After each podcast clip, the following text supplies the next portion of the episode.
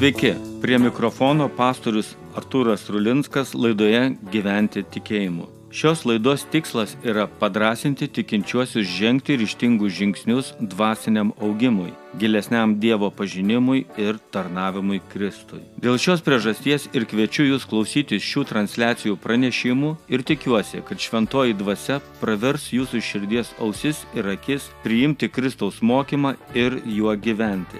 Jei pranešimas palėtė jūs, pasidalykite juos su savo draugais, O jei norite daugiau sulaukti panašaus pobūdžio mokymo, tuomet užsiprenumeruokite šias laidas. Iki.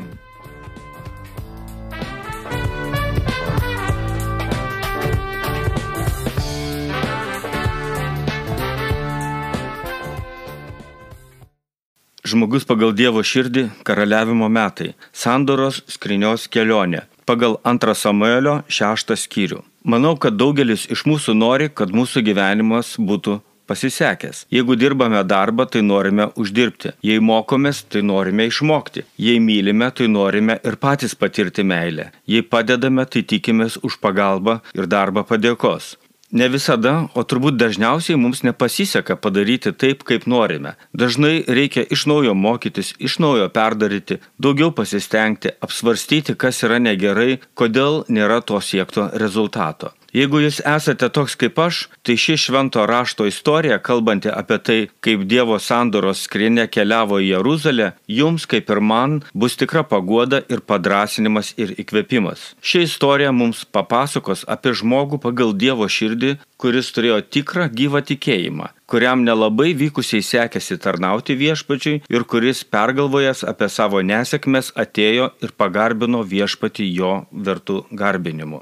Pirma, tikras tikėjimas. Pagal 2 Samuelio 6 skyriaus pirmasis dviejlutes. Dovydas vėl surinko visus rinktinius Izraelio vyrus 30 tūkstančių. Tada Dovydas ir visi su juo buvę žmonės leidosi kelionėn į Baalę Jehudą pargabenti iš ten Dievo skrinios kuri vadinama galybių viešpatės, sėdinčio sostė virš kerūbų vardu. Visi žmonės turi tikėjimą, tačiau vienų tikėjimas net ir į patį viešpatį yra bevaisis, o kitų žmonių gyvenimas iš esmės remiasi į jų tikėjimą ir yra patvirtintas tikėjimo darbais. Karalius Dovydas turėjo būtent pastarąjį tikėjimą. Niekas negalėtų pasakyti, kad jo pirmtakas Saulis buvo netikėjimo žmogus. Be abejonės Saulis būtų kalbėjęs, kad viešpats jį išrinko karaliumi, kad Samuelis davė jam palaiminimą būti karaliumi, kad Izraelis yra Dievo tauta ir tikėjimo nuo gyvenimo atskirti negalima. Be abejonės, net ir religingų švenčių metu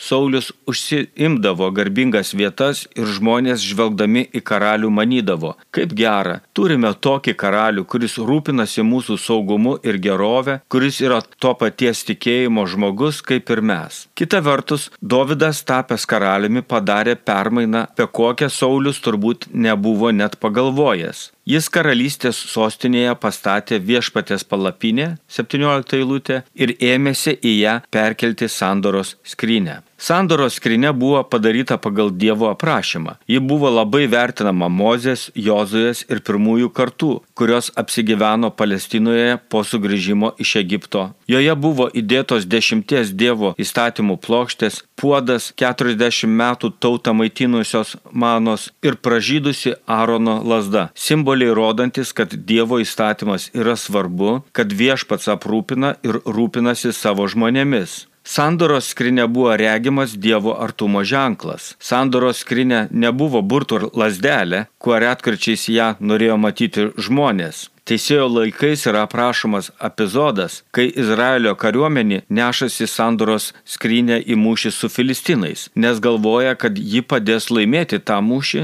ir jie pralaimi jį ir skrynę praranda. Vėliau išvarginti įvairių negandų filistinai, manydami, kad būtent ši skrinė jiems užtraukė aibę nelaimių, ją gražina žydams, kurie pastato ją į Abinadabo namus ir užmiršta. Karalystės atsiradimo laikotarpiu atrodo svarbu svarbiausių karalystės akcentu tapo karaliaus kariuomenė, kuri nuolat kariaudavo ir laimėdavo mūšius. Nustota manyti, kad sandoros dėžė turi realią įtaką ir ją nustota pasitikėti. Štai šiuose eilutėse skaitome apie Dovydą turinti rinktinę stiprią 30 tūkstančių karių kariuomenę, kuri eina ne į mūšį, bet į Baal Jehudą.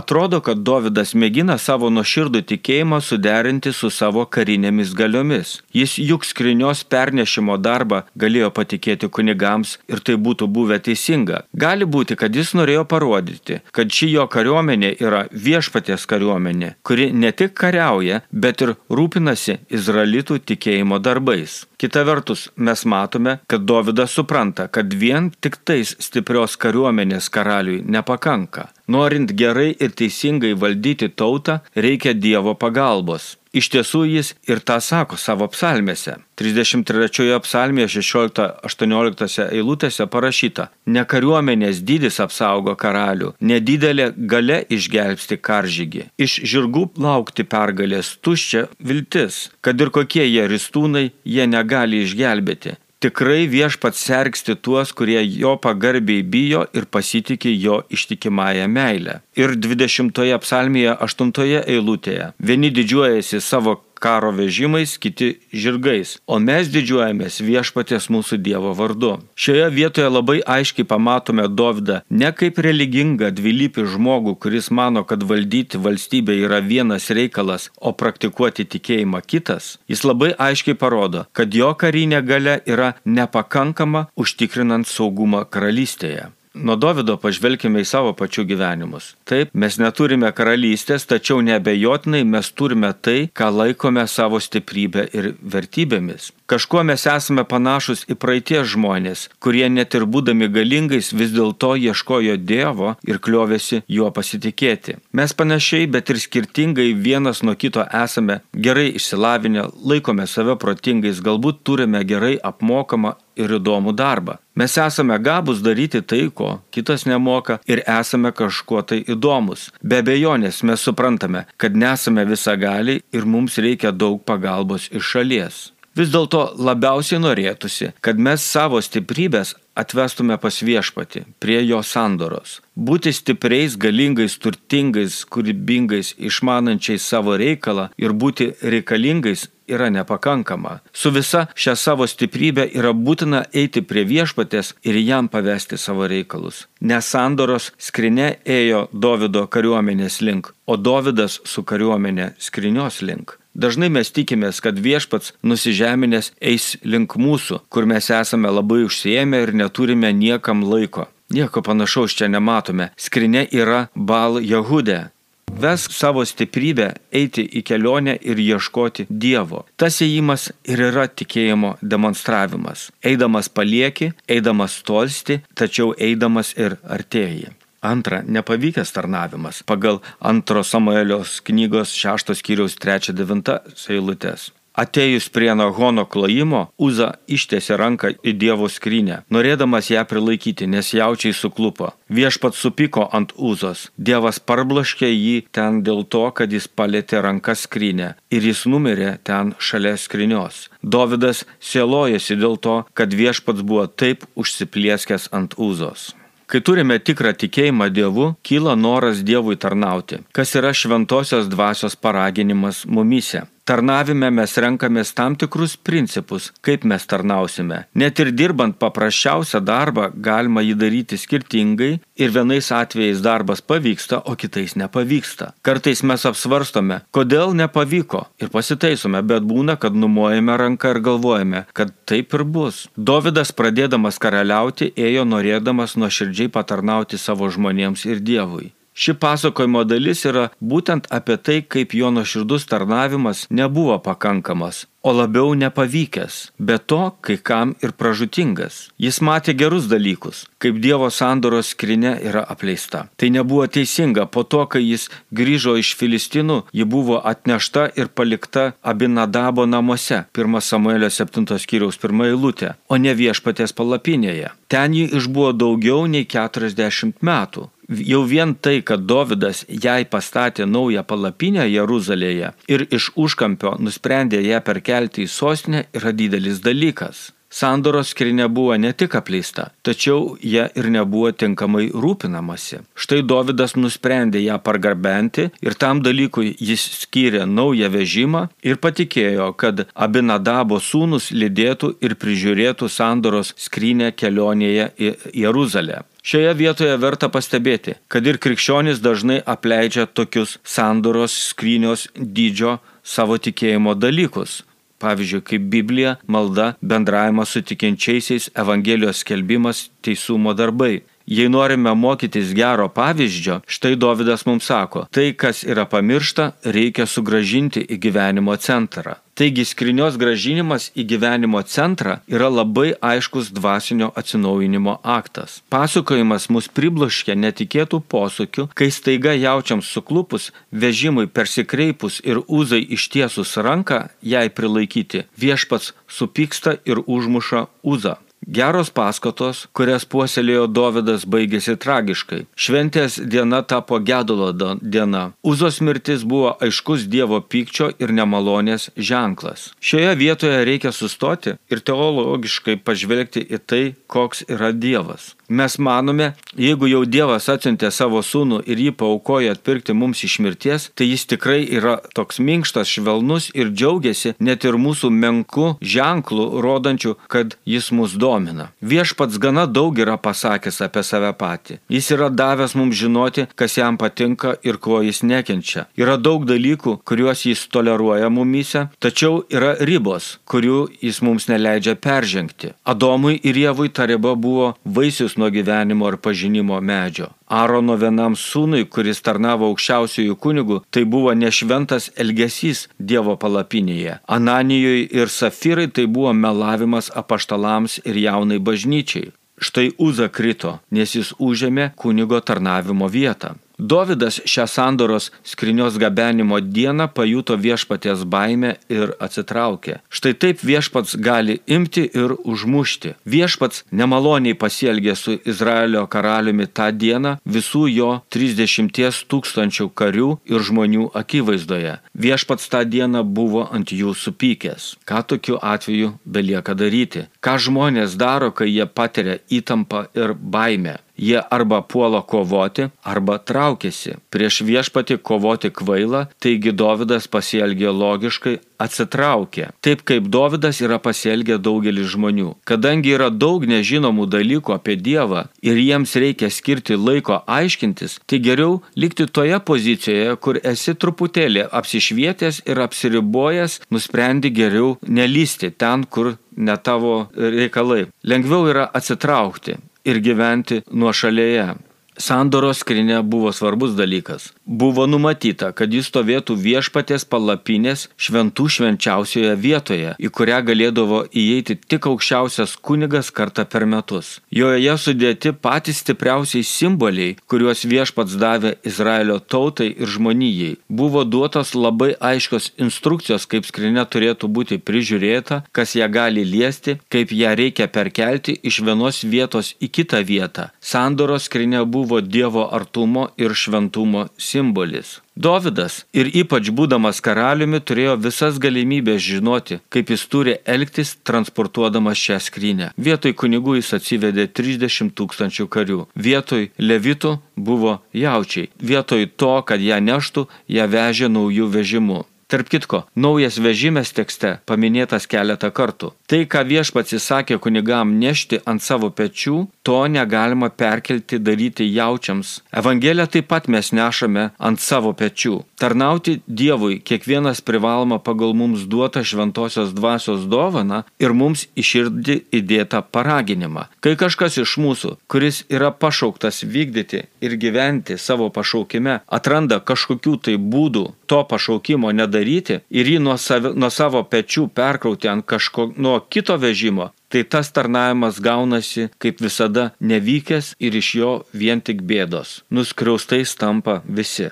Ir trečia, apie viešpaties vertą garbinimą. Pagal 2 Samuelio 6 skyrių 12-15 eilutes. Karaliui Dovydui buvo pranešta, viešpats laimino Obed Edomo šeimyną ir viską, kas jam priklauso, dėl Dievo skrinios. Tada Dovydas nuėjo ir pargabeno Dievo skrinę iš Obed Edomo namų į Dovido miestą su didelė iškilme. Viešpaties skrinę nešantiems Pažengų šešis žingsnius jis paaukodavo jauti ir nupenėtą viršį. Dovydas šoko iš visų jėgų viešpatės akivaizdoje. Dovydas buvo apsijuosęs lininiu efodo. Taip Dovydas ir visi Izraelio namai gabeno viešpatės skrinę, lydėdami šauksmais ir rago gaudėsiu.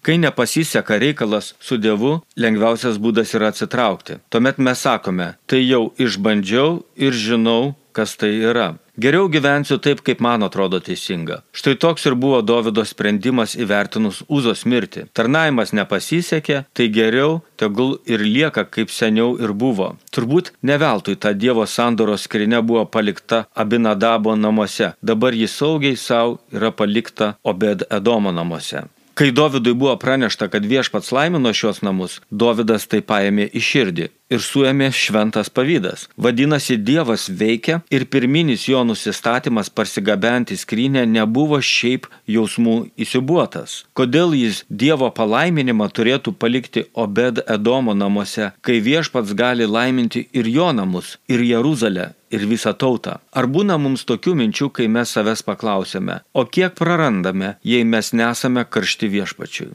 Kai pradėję gerą tarnystę, Dievui staiga išsigastame ir paliekame kažkam kitam. Mūsų praradimų niekas nepaskaičiuos ir mūsų nepatirtų palaiminimų niekas neišmatuos. Akivaizdu tik tai, kad nuodėmė greičiausiai ims viršų, neteisybės bus daugiau nei teisingumo, susiskaldimai bus dažnesni nei vienybė. Dovydas dabar prie sandoros skrinios eina kitoks. Atrodo, jis vedėsi ne savo galingiausių vyrų kariuomenę, o kunigus, šlovintojus, šokėjus, muzikantus, viešpaties gerbėjus. Naujus vežimus jis taip pat paliko Jeruzalėje savo žmonoms vežioti, tačiau skrynę jis patikėjo levitams, kurie ją nešė ant savo pečių visai kaip Mozės ir Jozuės laikais. Raštas iš tiesų nepaaiškina, kur gyveno Obed Edomas. Baalė Jehuda buvo maždaug už 16 km nuo Jeruzalės. Sprendžiant pagal tai, kad Davido nešime kas šešius žingsnius yra aukojimo auka, tai turbūt ta skrinė jau buvo ne per toliausiai nuo Jeruzalės. Jautis turbūt simboliškai buvo septinto žingsnio vietoje. Panašiai ir mes, kas septintą dieną, kalbu ne apie visus, einame į bažnyčios susirinkimą ir garbiname viešpatį, aukojame jam aukas, bendraujame ir melžiamės. Akivaizdu, kad šventės kontekste tai buvo aukos neužnuodėmės ir kaltes, tačiau išreiškiant padėgą ir garbinant viešpatį, rodant, kad viešpats yra visko valdovas ir jame yra visa pilnatvė. Čia mes matome nesuvokiamą reiškinį garbinant viešpatį. Procesija visiškai niekur neskuba. Skrinė juda lietai, lietai. Aukos yra aukojamos, giesmės gėdamos. Einant vieną kilometrą reikia paukoti apie 142 jaučius. Nuo pirminio taško Abinadabo namų iki Jeruzalės maždaug 15 km. Kokie atstumą jie dabar ėjo sunku pasakyti. Vis dėlto savo vaizduotėje matau, kad tai buvo labai aiškus kraujo kelias. Upeliais bėga jaučių kraujais. Jaučiai baubė, kunigai krūvinais apdarais ir rankomis su peiliais juos pjauna, karalius šoka, muzika groja. Taip į Jeruzalę keliauja sandoros skrinė. Labai jaudinantis ir galbūt nemalonus reginys. O vėliau matome, kaip Davido žmona Mikalė tuo reginiu piktinasi, kad ji net paniekino Davidą prisikabinusi prie jo apsirengimo ir džiaugsmingo šokimo. Ne visi suprato šios skrinios tokį keliavimą į Jeruzalę. Aš nežinau, ar teisingai manau, tačiau šis sandoros skrynios nešimas į Jeruzalę turi kitą paralelę šventajame rašte. Prisiminkime, kad sandoros skrynios viduje yra dešimt įstatymų plokščių. Regimas Dievo žodis užrašytas pačia Dievo ranka. Taip pat joje yra manų puodas ir tai yra gyvybės duona. Ir dar skrinioje yra pražydusi Arono lasda ganytojo lasda, o skrinios vardas yra sandoros skrinė. Tai visa yra taip panašu, tarsi, tarsi čia būtų pranašystė apie Jėzų. Jėzus taip pat yra gyvenimo žodis, Jėzus taip pat yra gyvybės duona, jis taip pat yra gerasis ganytojas, jis taip pat ėjo kraujo kelią, tik iš Jeruzalės į Golgotą, neždamas kryžių, prie kurio jį ir prikalė. Tame kelyje irgi buvo kunigai, buvo įsiaudrinusi minė. Vieni žmonės buvo nusiteikę pakiliai ir džiaugsmingai